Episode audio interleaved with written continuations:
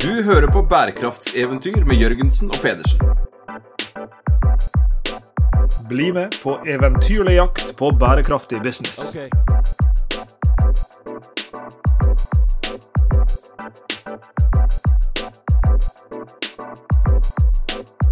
I denne episoden av Bærekraftseventyr Sveinung, så skal vi eh, tilbake igjen til et stort bærekraftsproblem som vi har snakka om tidligere, nemlig matavfall.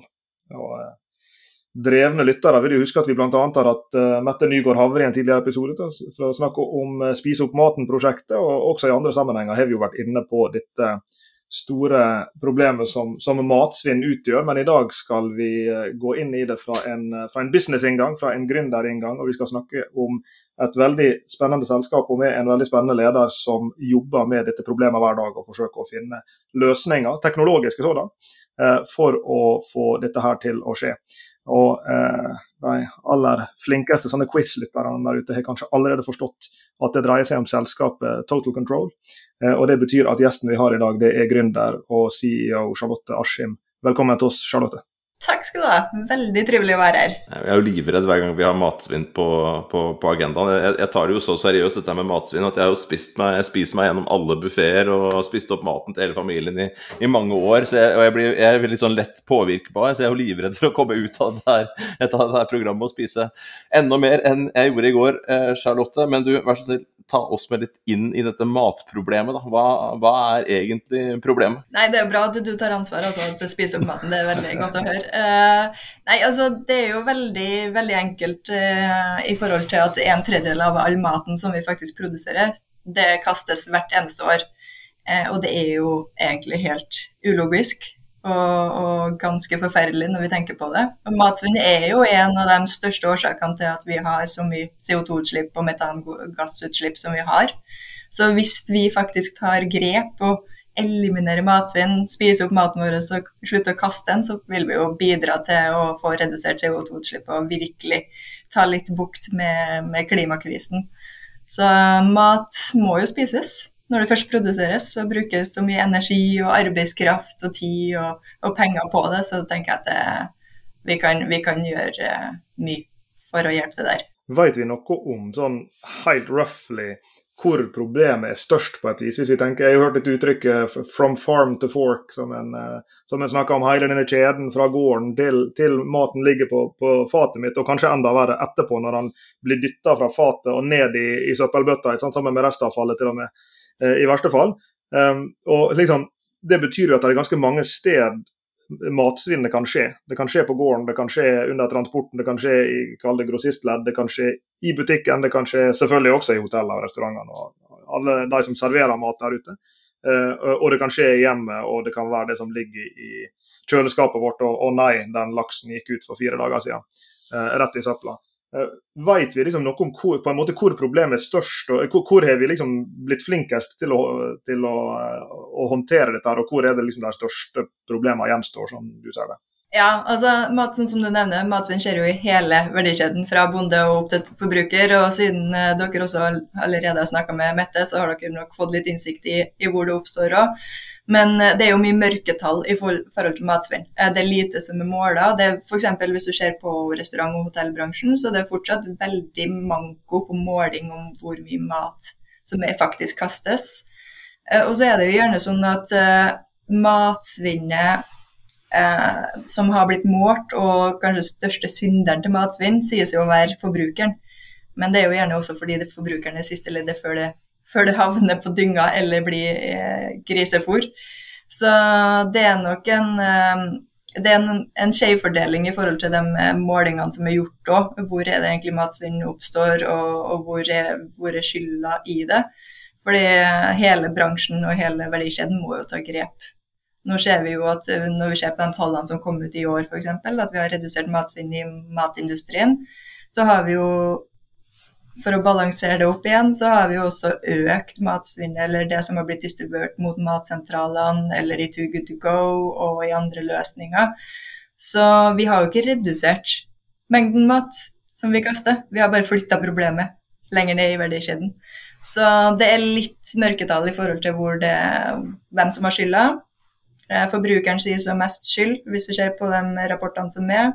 Men eh, globalt og, og, i Norge så er det også forskjell hvem som har skylda, da. Charlotte, har du alltid vært interessert i mat? Begynte det med mat? Ikke i det hele tatt. Jeg er skikkelig dårlig på å lage mat. uh, og jeg har egentlig ikke interessert meg for mat. Matinteressen kom når um, Jeg har jo jobba siden jeg var tolv år, uh, og begynte jo å vaske, var i oppvasken og var på Burger King og var på lageret på barer og hjalp til å rydde der. Så jeg har jo jobba i matindustrien siden tolvårsalderen.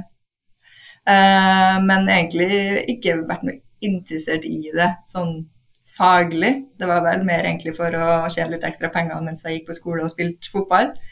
Og så var det jo ikke før i 2017, når det var litt mer fokus på FNs bærekraftsmål og matsvinn, at jeg først fikk interessen for å, å løse matsvinnproblematikken.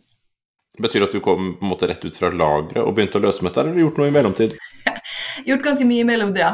Så jeg har alltid hatt to til tre jobber ved siden av skole og aktivt uh, spilt fotball. Uh, så oh, ja. Det må vi prate mer om. Vi har tendens til å alltid branche inn i fotball. Vi skal liksom sitte her og prate om bærekraft, egentlig, så ender vi alltid opp med fotball. Uh, men, men, i tillegg, Charlotte, så, så, mener jeg jeg har lest at du også er jordskiftekandidat. Utdannet fra NMBU. og det betyr jo ja, la, la, meg snu på det til et spørsmål. hvordan har den, kall det, faglige bakgrunnen der vært med på å, å liksom forme måten du har sett dette problemet på, og løsningene og osv.? Nei, altså det er godt spørsmål. Eh, for den mastergraden og den jordskiftetittelen som jeg har, den eh, var jo egentlig en tilfeldighet. Og når jeg fulgte på en måte det standard Det her er det du må gjøre. Det her er det folk forventer av deg. Ta en god utdanning, få en godt betalt jobb og gjøre den rekka.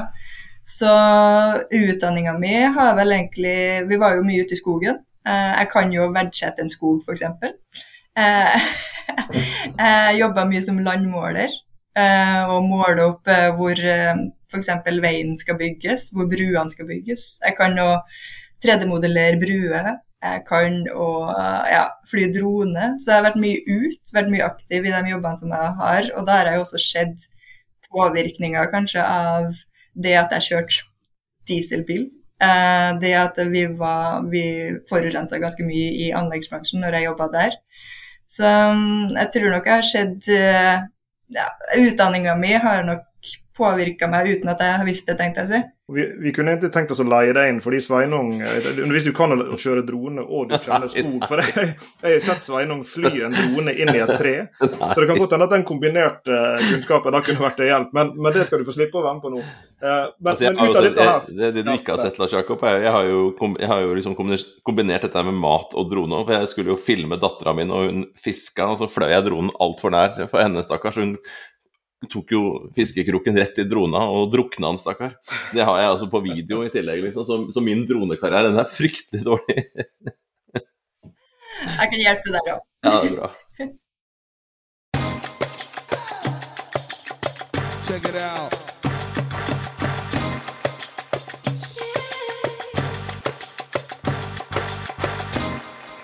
Ut av dette her da, Charlotte, så, så endte du likevel opp med å, å gründe et selskap som heter Total Control. Eh, og Det er jo et selskap som eh, en kan tenke på som et foodtech eller waste-tech-selskap, kanskje. Eh, og Det vil si at dere forsøker altså å eh, komme med en teknologisk løsning, eller flere teknologiske løsninger på dette matsvinnproblemet. Og jeg og Sveinung er jo sånn eh, forretningsmodellentusiaster, så vi kommer garantert til å og kose oss med, med det, men, med den delen av historien. Men kanskje du først forteller hva er, hva er løsninga til Token Control, og hva er det dere gjør for å bidra til å løse dette store problemet vi nå har blitt kjent med?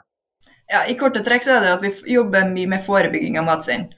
Så vi jobber jo med hvordan vi kan sikre at maten faktisk blir spist eller brukt opp før den havner så langt som at den blir kalt matsvinn. Uh, så vi, og Bakgrunnen for at vi starta med det her, var jo litt at vi, meg og medgrunneren min vi jobba i dagligvare. Uh, bensinstasjoner og Burger King og, og, litt, og fikk se matsvinn tett på kroppen. Brukte en halvtime hver eneste kveld og lette etter mat som gikk ut på dato. Og så bare endte opp med å kaste to fulle handlevogner hver eneste dag. Så når vi starta selskapet, så var det jo Da starta vi det med at ok, hvis vi har kontroll på holdbarhetsdatoen, og varsle før ting går ut på dato, da får vi faktisk fremma de varene og solgt dem ut for full verdi, eller eventuelt nedpriste hvis det var for, for nær holdbarheten. Så det var jo det vi gjorde når vi jobba i butikk. Eh, men det var jo i 2017 når bærekraftsmålene og fokuset på matsvinn var at jeg lærte meg kode og laga en digital datobok, da. Som var egentlig første løsningen vår. Så den, det prinsippet med at dato og informasjonen om holdbarhetsdato er en stor bidragsyter til å forebygge matsvinn, har vel fulgt i teknologien vår. Så nå jobber vi jo primært med hotellkjeder og restaurantkjeder, hvor vi hjelper dem å få kontroll over varelageret sitt basert på holdbarhetsdato. Så de varsles jo før ting går ut, i tillegg til at vi digitaliserer det, den kjøkkendrifta og det manuelle papirarbeidet som de per nå har i drift. Dette er veldig interessant. Vi satt med noen hotell hoteller eh, før denne uka her og snakka nettopp om, om matsvinn. Eh, hoteller som jobber i konferansesektoren, som, som, opplever at de er avhengig av å ha buffeer. Det er liksom en del av den pakka folk eh, kjøper, og, og med buffeen eh, så følger, den, følger, det svinn. Så, så, sånn helt konkret, hvordan vil det på en måte kjøkkenet sette ut der hvor dere har, eh, har gått inn og, og, og, hjulpet dem? Når du sier at du har, blir det holdbarhet på, på, på, på, varer som ellers ikke Hvor det ikke står en holdbarhet på? Eller måler dere holdbarheten på en ny måte? Eller hvordan er det dere gjør det helt sånn konkret for dem? Ja, hvis du er en kunde av oss, da, og før du bruker løsningen vår, så har, bestiller du mat via en innkjøpsplattform eller direkte via leverandørene dine. Og så får du maten levert inn på, på hotellet eller restauranten. Og når maten kommer inn, eh, så stoler du på leverandørene og stoler på at de har levert riktig mengde mat med riktig holdbarhet på maten, at det ikke er noe brekkasje og osv. Og, og så bare tar du maten på lageret, og, og, så blir den der. Eh, og så En gang i måneden så tar du varetelling med penn og papir for å kontrollere og rapportere til regnskap. Det er før vi kommer inn i bildet. Eh, og det vil si at du har en veldig dårlig oversikt eh, over lageret ditt i sanntid. Eh, og du, du, får ikke avdekka feil eh, ved leveranse eller underveis i drift. Eh, har, matindustrien er jo litt sånn også kjent for at det er litt eh, veksling av ansatte. Det er høy turnover på ansatte, det er en del svinn, altså stjeling. Det er litt andre typer svinn òg. Eh, så det at man ikke har kontroll på maten og drikken, som er den mest verdifulle og dyrebare ressursen til et serveringssted, eh, er jo ikke, ikke bra. Så det som vi gjør, eh, og hvordan vi forandrer rutinene deres, er jo at når de bestiller maten fra leverandørene sine, så vil den bestillingsinformasjonen overføres i vår løsning. Og så bruker de ansatte og kokkene og lederne på hotell og restauranter løsningen vår i drift. Sånn at når maten kommer inn på lager fra leverandøren, så bruker de løsningen vår til å rapportere hvis det er noe avvik. Hvis det er noe ting som er kort holdbarhet, så varsles det, og så, og, og så blir det rapportert igjen til leverandørene, sånn at de kan bli bedre på å levere. Eh, og så bruker de løsningen vår til å registrere hvis det har oppstått noe matsvinn så får de varslinger før ting går ut på dato. Så vi, i bakgrunnen da, så har vi bygd en teoretisk holdbarhetsdatabase som følger standardene i bransjen. Det vil si at hvis du får en melk levert på lageret, så skal den f.eks. ha 14 dager når den kommer hos restauranten eller hotellet. Eh, og det er standarden og det, det, det, man skal oppfylle som leverandør. Men problemet er at i de fleste tilfellene så blir ikke det oppfylt. Så da får du kanskje melk med fem dager før den går ut. Og da får jo våre kunder kortere tid til å faktisk få brukt den opp og få, få full verdi ut av den. Så nå med at vi varsler og vi har kontroll på holdbarheten og leveringene og avvik og sånn, gjør at vi kan gi kundene våre da, to, total kontroll eh, over varelageret sitt eh, og holdbarhet og matsvinn, sånn at de også kan bruke den dataen til reforhandlinger med leverandørene, eller bare gjøre leverandørene bedre. og kvaliteten på maten enda bedre. Sikre at de får kjøpt mm, egentlig eh, bestilt og brukt maten på en bedre måte. Så kundene våre bruker løsningen for å ta varemottak, ta varetelling, registrere matsvinn og få de analysene og det styringsverktøyet de trenger for å bestille mat bedre, bruke mat bedre og, og bli mer bærekraftig og lønnsom. Og dette kommer da også så nært de som skal skal bruke maten for å si det på den måten da, på kjøkkenet. At, um, fordi Det som du beskriver, er jo blant annet, en del av det handler jo om å, å fjerne manuelle oppgaver som, som, kanskje ofte ikke vil bli gjort. Fordi at folk har ikke tid til å gå rundt og, og sjekke om den melka er 5 eller 14 dager osv. Men, men er han også på en måte så tett på, på liksom den som skal bruke maten, for å si det sånn, da, at, at en kokk vil kunne få vite på et hotell for eksempel, eller en restaurant og skal lage en buffé så skulle vi hatt røkelaks her. Men den røkelaksen den, den, har jo lang holdbarhet. Men her er noen egg her som skulle hatt lengre holdbarhet, men de går ut i, i morgen. Og er egg gjerne gode lenge etter det. da. Men så, så Derfor lager, kjører vi på og lager masse eggerøre i dag istedenfor. Altså er, er det helt ned på det finkorna nivået at, at, det kan på en måte brukes i beslutningsøyemed av de som skal bruke maten også? Ja, absolutt. Og det, vi har jo utvikla den teknologien sammen med kokker med ledere innenfor hotell og restaurant og ansatte. Så den er jo eh, spesialbygd for å være eh, et driftsverktøy. Så det skal være enkel å bruke, ekstremt enkel å bruke i drift, og så skal den gi den informasjonen som de trenger da, for, for bedre beslutningstaking. Så den, den, brukes nå. Hvis du, noen eksempler, f.eks. Eh, hvor vi har redusert tid Eh, på det som gjøres med penn og papir, er jo at de bruker ca. 25-30 timer hver måned på varetelling. Og det når de gjør det med penn og papir. Med vår løsning så bruker du maks 8-10 timer. Så du reduserer jo med 50-70% bare etter en måned eh, i bruk. Og så har vi sett at de beste resultatene på matsvinn med hjelp av verktøyet vårt har jo vært en 40% reduksjon av matsvinn etter én måned i bruk. Og det er fordi at vi forebygger, og det ligger så mye makt i, og, liksom, og kraft i å forebygge. Eh, og det er så lite som skal til.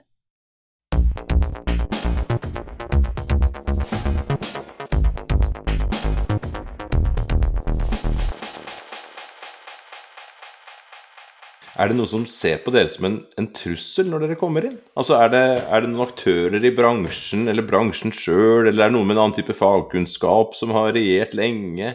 Eh, eller er det sånn at alle står med åpne armer og sier 'Å, tusen takk, endelig'? Eh, det var jo, jeg, tror, jeg tenker du har noen tanker rundt det sjøl? Ikke i det hele tatt. Jeg bare, det er helt seriøst. Altså, men alle sånne der, vi, vi, vi, sitter jo og koser oss om dagen på, på, på, Netflix og ser på Spotify ikke sant? når de skal inn og digitalisere musikken. Og så er det jo noen som har tjent veldig gode penger på en praksis som har vært uh, tidligere. Uh, og, og, mange er veldig glad i dette her fysiske, uh, ikke minst. Ikke sant? Se på musikken. Disse LP-platene eller CD-ene og, og, sånne ting. Så skal man inn og digitalisere ting. Og så tenker jeg, og jeg, jeg kan jo ikke kjøkken godt nok, eller leverandørkjeden godt nok, liksom. Men jeg antar jo at det er noen her også som har tjent gode penger på at, at, folk ikke har hatt så god kontroll at man kanskje kunne Nå bare spekulerer jeg, altså så at man kan ha sendt ut et parti med, med, melk og egg da, som nesten er på vei til å gå ut, uh, uten at det blir informert om så godt. Og, altså, det er derfor jeg bare I alle sånne gründerreiser så er det jo liksom Det er noen som sier 'å, hurra, endelig', og så er det jo en del som så, noen, Jeg kan anta det er motstand hos, og du trenger ikke liksom navngi den enkelte, for det, det, det, det går kjempefint. Jeg er bare nysgjerrig på liksom dynamikken i det markedet dere går inn i. Og du har helt rett. Altså, mye av eh, Hvis du bare ser på hva som skjedde i covid, da. Det var mange av våre kunder som fikk mat levert med for kort holdbarhet. Eh, og veldig dårlig mat. Eh, og de leverandørene tok jo seg betalt for de. Full pris. Så det er jo litt motstand fra leverandørleddet og fra dagligvarebransjen, eh, som også styrer mye av hele verdikjeden. Så det er nok eh, mye motstand i forhold til åpenhet om data, eh, åpenhet i drift. Eh, men vi ser jo helt klart en, en positiv endring nå, hvor folk blir litt mer mottagelige mot at teknologi faktisk hjelper dem å bli mer effektiv, lønnsom og bærekraftig. Eh, men vi har hatt mye motstand mot folk som ikke ønsker den endringa, fordi det er en veldig ekstremt ja, ekstremt tradisjonell bransje vi jobber innenfor. Med masse forskjellige avtaler. Med masse avtaler, ja. ja. Og det er, det er, mange som har hatt det bra. Ja. selv om matsvinnet har vært høyt, så har man hatt det bra. Og så kommer dere og så sier dere at, eh, og peker på hvor problemene er i kjeden, og viser at her, at her er det faktisk mulig å, å løse det. Eh, og så er det noen eh, dinosaurer som, eh, som, eh, som, som setter fram klørne. Nå skal jeg si, altså, All respekt for dem som har gjort det bra innenfor matindustrien. All respekt for det. Og så tror jeg nok at uh, matsvinn ikke har vært et fokus, fordi man har ikke tapt penger på matsvinn tidligere. Uh, og, eller ikke fått den økonomiske konsekvensen rett i ansiktet. Og det presset fra lover og regler som vi ser nå, som vil hjelpe å få fokus rundt matsvinn. Når folk ser økonomien i å redusere matsvinn, da ser jo folk gevinsten og ønsker å bidra til at det endrer seg. Så vi, vi, altså det har jo vært lite fokus på matsvinn tidligere. Så det at det løftes fokus på det nå, gjør jo at hele bransjen, hele verdikjeden, tar større grep rundt det. Noen bruker det ja, for å skryte fælt i markedsføringa si og, og få konkurransefortrinnet på, på, sånne ting. Og forhåpentligvis nå så vil vi se at det som er grønnvasking og det blir snakka om, også må bevises med bruk av teknologi og virkelige tiltak, ikke bare det ser fint ut på hjemmesida, liksom. Så, så, vi ser en endring. Vi ser at folk ønsker å ta grep. Vi vet at bærekraft er et stort tema, så folk vet ikke hvor de skal begynne. De tror det er for vanskelig å begynne med matsvinn. Det er masse måling, det er sånne ting. Men det er ikke det som er tilfellet lenger. Nå er det teknologi ute som kan hjelpe med å bidra med en gang. Hvor det vil både skje en kostnadsreduksjon, og det vil skje matsvinnreduksjon, og det vil skje tidsreduksjon. Så det begynner å bli både teknologi og ressurser tilgjengelig for bransjen til å ta bedre grep da, rundt problematikken der. Du beskriver jo en del drivere her, Charlotte, som, som eh, liksom bereder grunnen for en løsning av, av den typen dere har. Eh, og, og de er liksom av, av ulike karakterer, du er inne på mange av dem. Altså det, der er noen rent økonomisk eh, motiv for å kaste mindre mat, for du har jo betalt for denne maten. Og, og hvis du kan selge den, så er jo det bedre. Eller i alle fall ikke kaste den. Eh, du nevnte i forbifarten dette med det regulatoriske, og nå begynner jo det å komme matkastingslover og sånt eh, her og der. Og, vi må vel regne med at den regulatoriske tvinga blir liksom bare vridd til og vridd til her eh, over tid. Eh, og, og, så er det selvfølgelig også sånn at, eh, at, mange virksomheter kan ha miljømessige begrunnelser for å gjøre dette, enten fordi at de virkelig eh, tenker på eh, det horrible i å kaste all denne maten, eller fordi de har f.eks. eiere som, eh, som, stiller krav til at de skal kutte matsvinnet med x prosent per år, eller hva nå enn det, det, måtte være. Og så går jeg ut ifra at i, i det, det kunde grunnlaget dere har og, og, og sikter dere inn mot, så, så kan det være liksom en blanding eh, av motiv her. Og, og, Sånn er det jo på vei inn i en mer sirkulær økonomi. Altså Sirkulærøkonomien har jo den der eh, Kinderegg-greia ved seg, at, at, det handler om å få mer ut av, av ressursene som er miljømessig fordelaktig, men, men samtidig økonomisk fordelaktig. Og Dette vil jo se annerledes ut, går jeg ut ifra, hvis du går til styreren i en barnehage som har lyst til å få mer ut av den maten de kjøper inn, og de har typisk ikke kjempeøkonomi, så det, det er bra for dem hvis de slipper å tømme ut melka. Eh, kontra hvis du snakker med en hotelldirektør som, som har to store kongress, eh, konferanse- og kongresshotell eh, og, og, har liksom masse penger inn i, inn i det der, men, men, også har typisk ganske aggressive eiere som, som følger nøye med på, på indikatorer, som f.eks. Eh, matsvinn. Så det var en long and winding innledning til Kanskje du beskriver litt grann disse forskjellige kundegruppene som, som dere skal betjene der ute, og, og hvordan du ser disse, hvor er det skoen trykker for deg, og hvilke problem er det de forsøker å få løst, sånn, eh, først og fremst, om, om, du skjønner spørsmålet? Ja, ja. Nei, altså Det vi har sett som er likhetene, da, med sånn som du har vært borti nå, så har vi jo jobba og hatt uh, teknologien vår brukes bl.a. barnehager, sykehjem, uh, hoteller, restauranter. Vi har også jobba med online dagligvare tidligere og, og andre aktører så, og matsentraler. Så, så, vi har bygd mye teknologi med samme base i grunn, hvor holdbarhet og, og kontroll på varelager har vært eh, grunnpilarene. Men det som vi ser sånn uh, hos alle vi har jobba med, er jo at øverst på pyramiden så er det jo økonomi. Det må bidra positivt på økonomien. Enten så må kundene våre tjene penger på det, eller uh, spare penger på det. Eh, og så har du tid og effektivitet, som er hakket nedenfor, hvor de må bli mer effektive. De eh, må se at de sparer tid, eller får mer tid, eller frigjør tid, da. Jobber vi med barnehager f.eks. og sykehjem, så er jo, og spesielt under covid, eh, så er de stort belasta og, og, har ikke tid til å fokusere på matvarelager. Altså det er jo, matsvinn det er jo ikke deres primæroppgave. De jobber jo ikke med mat, de er jo ikke opplært på mat. De er jo pedagoger og skal passe på barn og eldre. Så der er jo prioritering av, av matsvinn og matvarelager veldig langt ned på lista. Eh, så, så, du har penger og økonomi, så har du tid og effektivitet, og så har du nederst har bærekraft. Eh, så det, det, er liksom Det er vanskelig for oss å selge oss inn på bærekraft, selv om alle kundene våre har i strategien sin at de skal redusere matsvinn med x antall prosent innen da og da, eller uh, andre ting. Fordi det er veldig enkelt å, å tulle med, med tallene på matsvinn.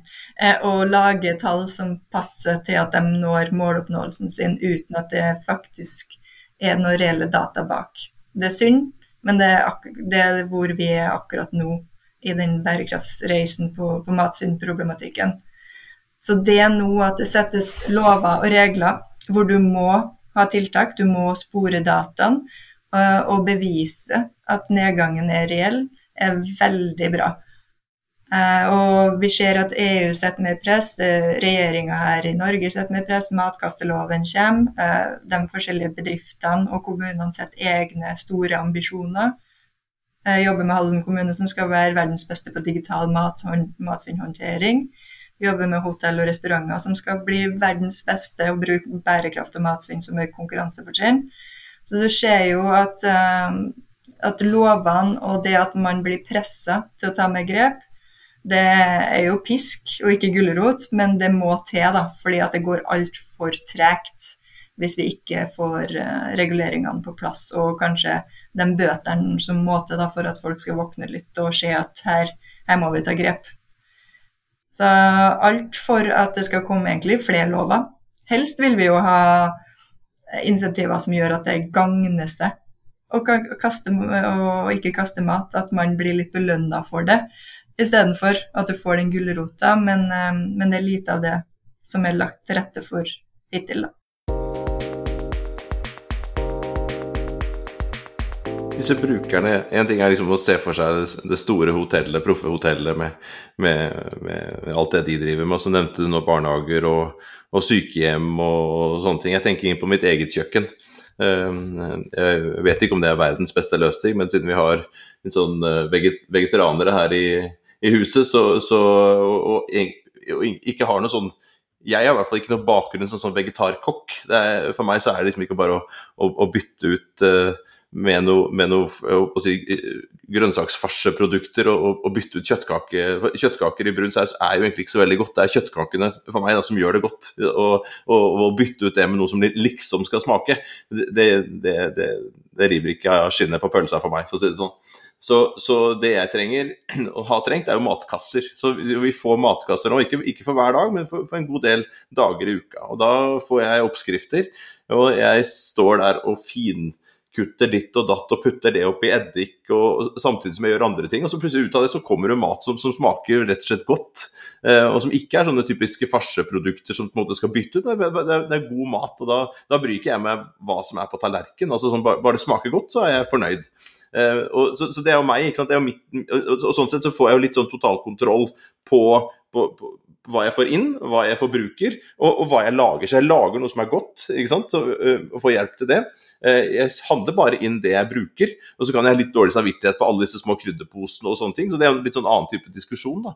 Men jeg ser jo at liksom, for meg så er det til, til stor hjelp, og jeg er jo ikke noen fagperson. Langt ifra verken på et uh, ikke-vegetarisk eller et vegetarisk kjøkken. Men for dere, hjelper dere også da på å si, disse sykepleierne, disse pedagogene, eh, en, en, en, en, kokk uten fagbrev. Altså så, for det, det, finnes jo mange av dem rundt forbi.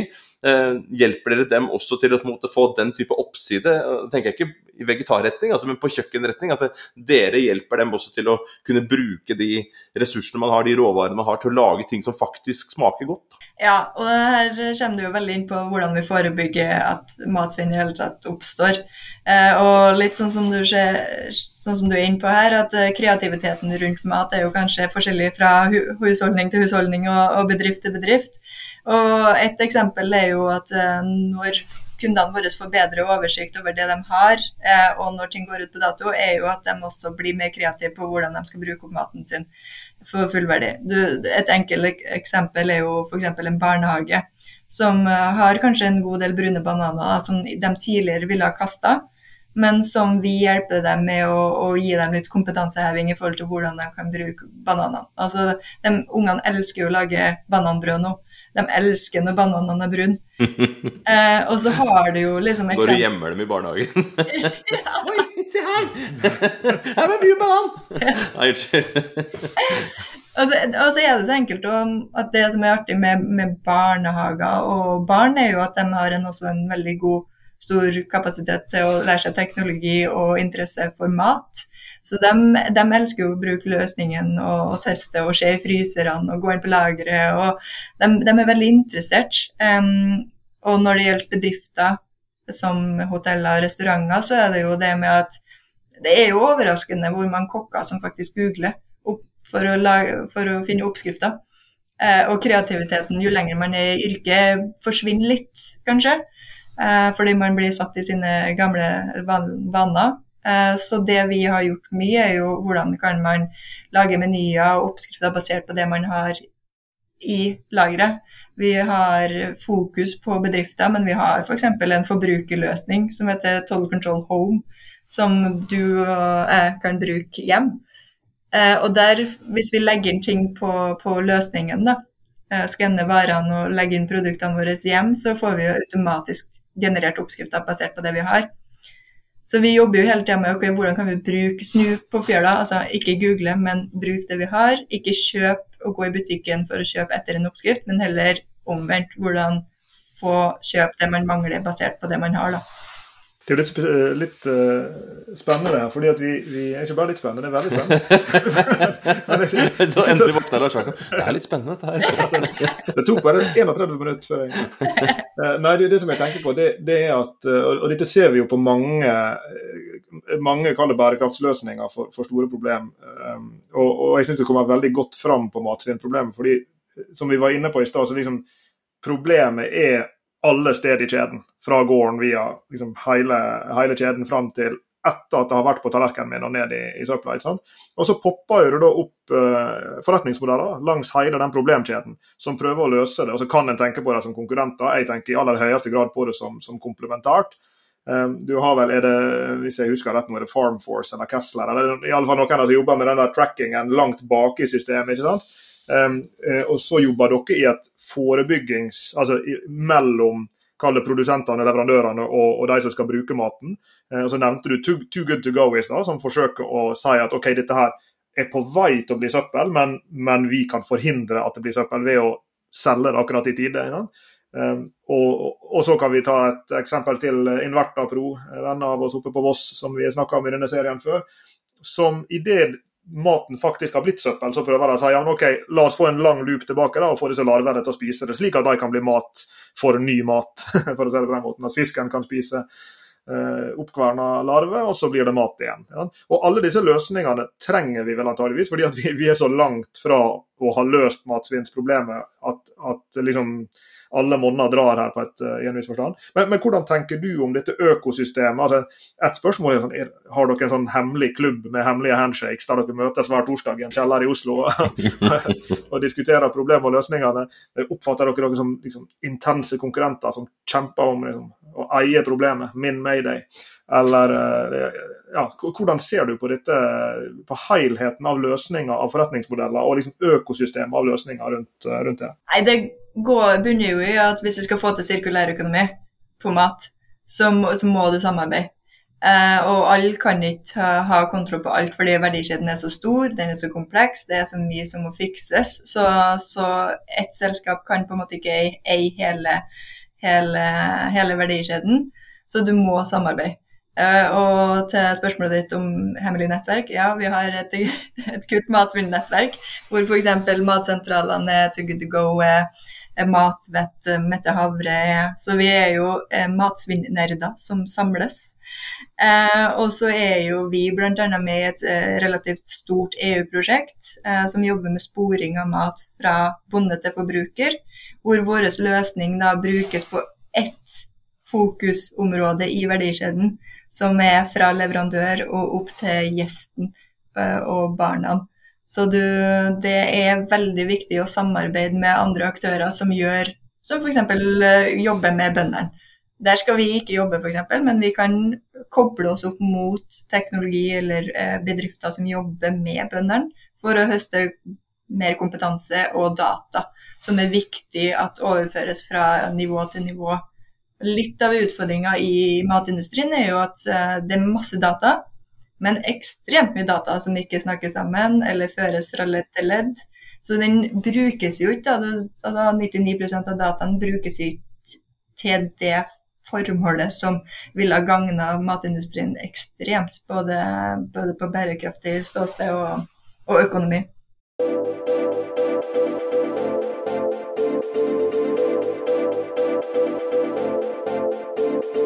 Jeg og Lars Jakob vi, vi, har noen venner av oss nede i Nederland, Konjenski og, og, og, co., som har uh, laget en liten uh, uh, modell som vi bruker ofte. Og Der er det tre begreper som vi er glad i. Det er å slanke, bremse og lukke en sirkulær økonomien. Og så er det to begreper til som, som vi ikke alltid vier like mye oppmerksomhet. Den ene, den ene er regenerere så, og, og bruke rene råstoffer. Og så er den, den femte er å informere. Altså få data eh, i disse verdikjedene. Og Det er jo helt tydelig at det er her dere kan koble dere på. Altså eh, kobler, ikke bare kan, men kobler dere på.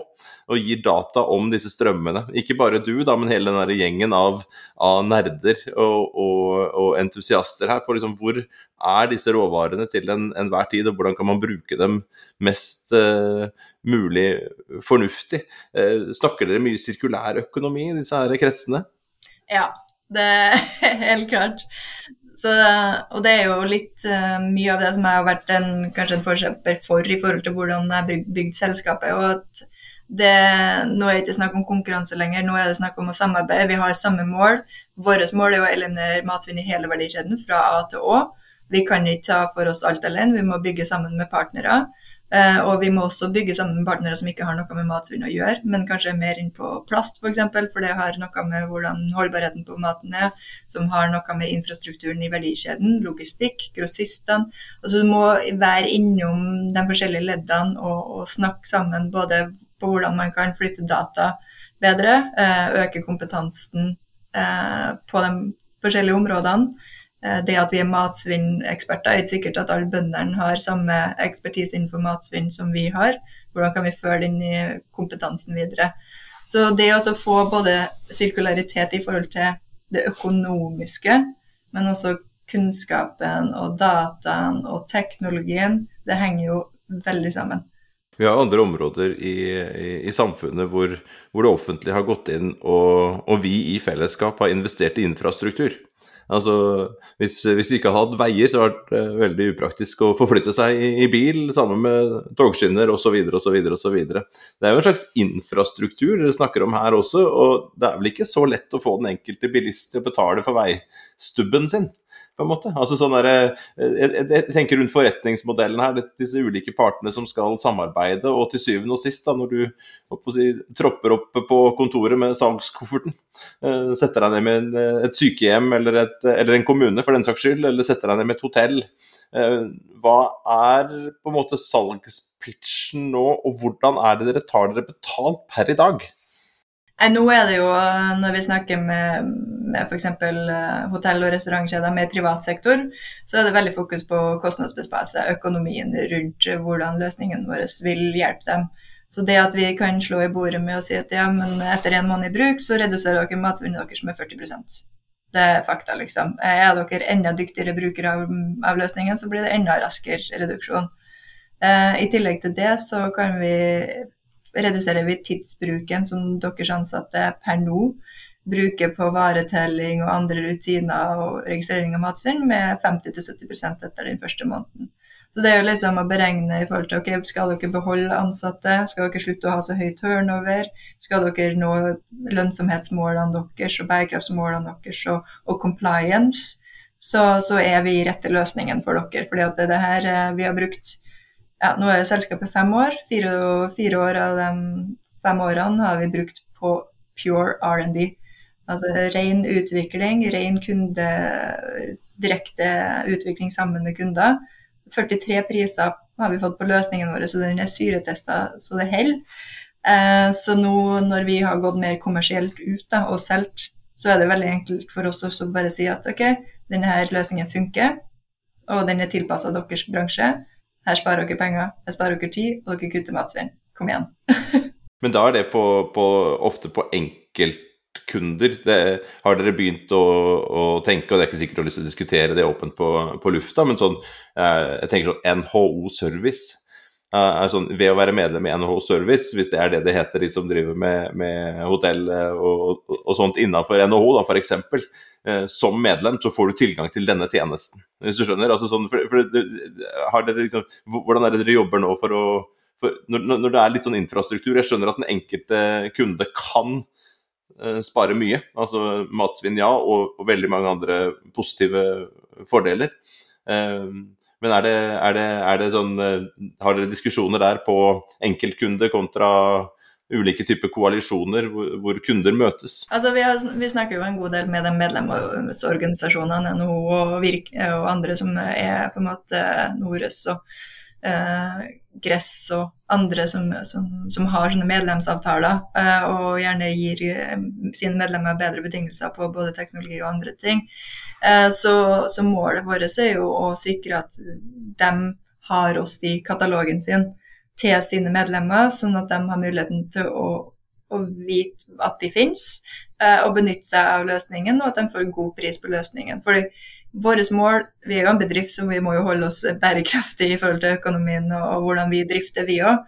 Men vi har jo et overordna mål om å få rask reduksjon i matsvinn. Vi skal eliminere matsvinn. Og vi vet jo at uh, en god skalering sammen med samarbeidspartnere som NHO og andre vil gi en stor, stor effekt. Så det er den utrullinga og den kalle den ketsjup-effekten som vi også forventer da, nå når det kommer mer press og lover og regler, den legger jo vi til rette for nå eh, ved å innlede de samarbeidene med, med sånne store medlemsbedrifter.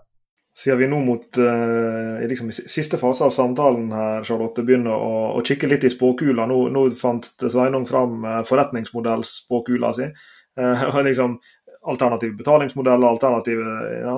Eh, den delen der. Jeg tenker litt på, De, de fleste tech-bedrifter jeg, jeg, kjenner til, de har også eh, kall det en, en, teknologisk spåkule som de kikker inn i og, og, og har planer om. og Det er ikke sikkert det du verken har lyst til eller mulighet til, til å snakke om. Men sånn, når, når, dere ser på veien videre for andre tjenester kan, og løsninger som kan legges på toppen av og, og Det kan jo du se for deg at andre gjør, men, men, du kan også se for deg at det er dere som gjør det. Hva er liksom det som du tror kunne turbocharge det til neste nivå? Er det liksom eh, eh, en slags eh, kombinasjon av AI og AR som gjør at du kan gå inn på et matlager, og så du, ser du at her borte ligger noen eh, eple, nei, noen pærer som er i ferd med å bli myke, og her borte ligger det sånn. og Hvis du slår dem sammen, så kan du lage en, en slik dessert. Eh, eller eh, er det et eller annet som er løsninger som gjør, gjør det mulig, som vi var inne på i stad med det sirkulærøkonomiske, at, at nær sagt det kan være koblet sammen ulike aktører? At her er det noen som sitter på, på altfor masse egg, og her borte er det noen som trenger disse eggene.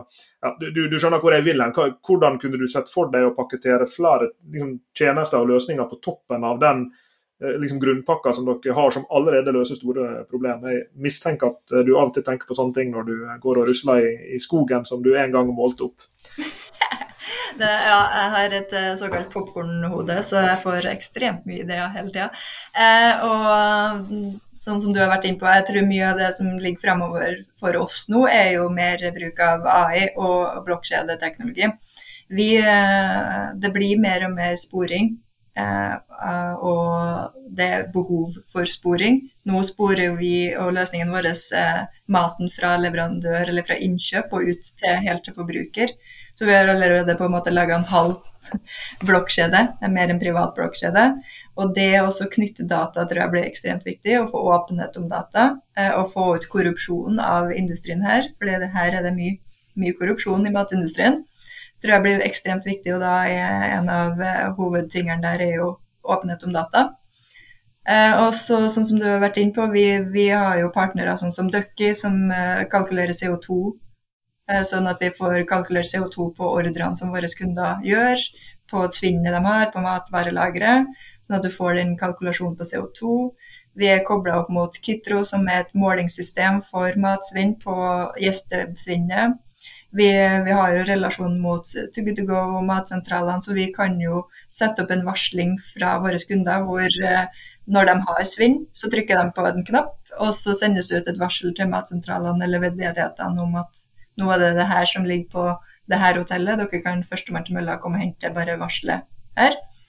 Eh, du har alt i forhold til ja, mer prejiksjoner, hvordan du bruker det i markedsføring. Det er så mye data som vi har som kan personaliseres og bidra til at våre kunder og forbrukerne og, og andre aktører i verdikjeden blir mer effektive, mer bærekraftige. Bare det at vi har avviksrapportering på, på leverandørene f.eks., vil jo hjelpe dem få et bedre distribusjons- eller transportrutenettverk. Hvis vi kan si til dem at det er kanskje smartere av dere å, å levere færre ganger og større uh, collie enn at dere kommer fem ganger i løpet av en dag til Grand Hotell.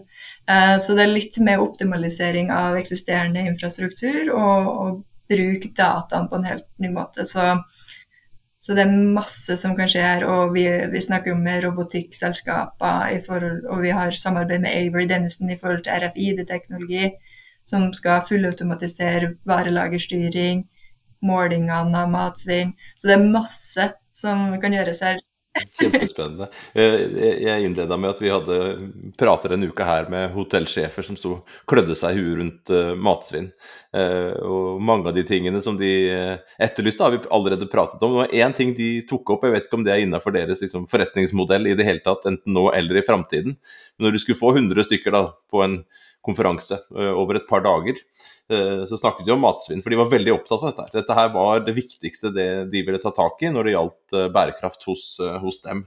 Uh, og de følte et behov for å opprettholde buffeen, gikk vekk fra buffeen under covid og prøvde seg på sånn treretter og fikk lov til det en periode. Uh, men når covid var over, så, så hang geipen altså på gjestene. ikke sant? Altså da, enten så hang geipen, eller så kom det ikke. Hvis ikke de liksom fikk uh, buffeen sin. Men det derre møtet mellom kundene og kjøkkenet, det, det, det, det, klødde de seg ordentlig i huet på. Og, og selv om man da leverte trerettere, eh, med dagens liksom, eh, forbrukere som har forventninger og allergier og tilpasninger og sånne ting, eh, det å vite og ha data om de kundene som kom. Og, så ble de utfordra litt i salen av folk som ikke jobba i bransjen. Da. Det er alltid sånne si, nyttige idioter sant, som rekker opp hånda og så Ja, men kunne dere ikke gjort sånn og sånn? Og så sier hotellsjefen ja, det er vanskelig nok å sende ut dette her skjemaet og få få ja, 100 stykker i det hele, Hvor mange er det som i det hele tatt kommer? Eh, og bare å få på plass litt om allergiene. altså Bare vi får til noe, så er vi fornøyde. ikke sant? Men det virka som et veldig stort avvik i kunnskapen og informasjonen data om de som kom, og det som skulle serveres. Og de opplevde at de måtte lage mye mye, mye mer mat og være forberedt til mange mange flere situasjoner. Også når det var helt klare vegetarting, så opplevde jeg at mange sånne laktoseintolerante som meg, eh, liksom mot desserten så bare ah, Nei, du, jeg, jeg, tror jeg tar en sjanse på panna cottaen istedenfor den der 17. gangen den måneden her at jeg får en sånn sorbet-variant med jordbær på. Så jeg tror jeg tar sjanse på i hvert fall litt panna cotta. Du, skjønner du hvor jeg vil hen? Og, og Fins det noen muligheter på en måte å lukke de gapene der? Oh, ja, og vi har hørt det samme vi òg i forhold til kundene våre. De har kommet med den, den bekymringa. Og der tror jeg jo litt eh, i forhold til framtida på, på, bransjen her og teknologi, er jo gamification. Altså du må insentivisere folk til å gjøre noe og få noe. Altså du må nudge på riktig måte. da. Hvis du får 10% på en restaurant, eller du får 100 kroner, eller du får en et eller annet for å, for å fylle ut det her skjemaet. Eller du får en straff på 50 kroner hvis du ikke gjør det. Eh, så gjør du det. Eh, sånn at du kan finne måter hvor det blir artig eh, å bidra til å gi informasjon, eller en straff hvis du ikke gjør det. Det er jo helt forferdelig at folk ikke varsler fra at de ikke kommer på en konferanse. Og det bør straffes, egentlig. Fordi det er så mye tid fra ansatte som brukes på å lage mat som må kastes. Og det er så mye ressurser, både penger og, og mat, som går til spille. Eh, og det at folk ikke har respekt for maten, for ansatte, for pengene som brukes og tida som brukes, er veldig synd. Eh, vi er jo vi er ekstremt bort, bortskjemt.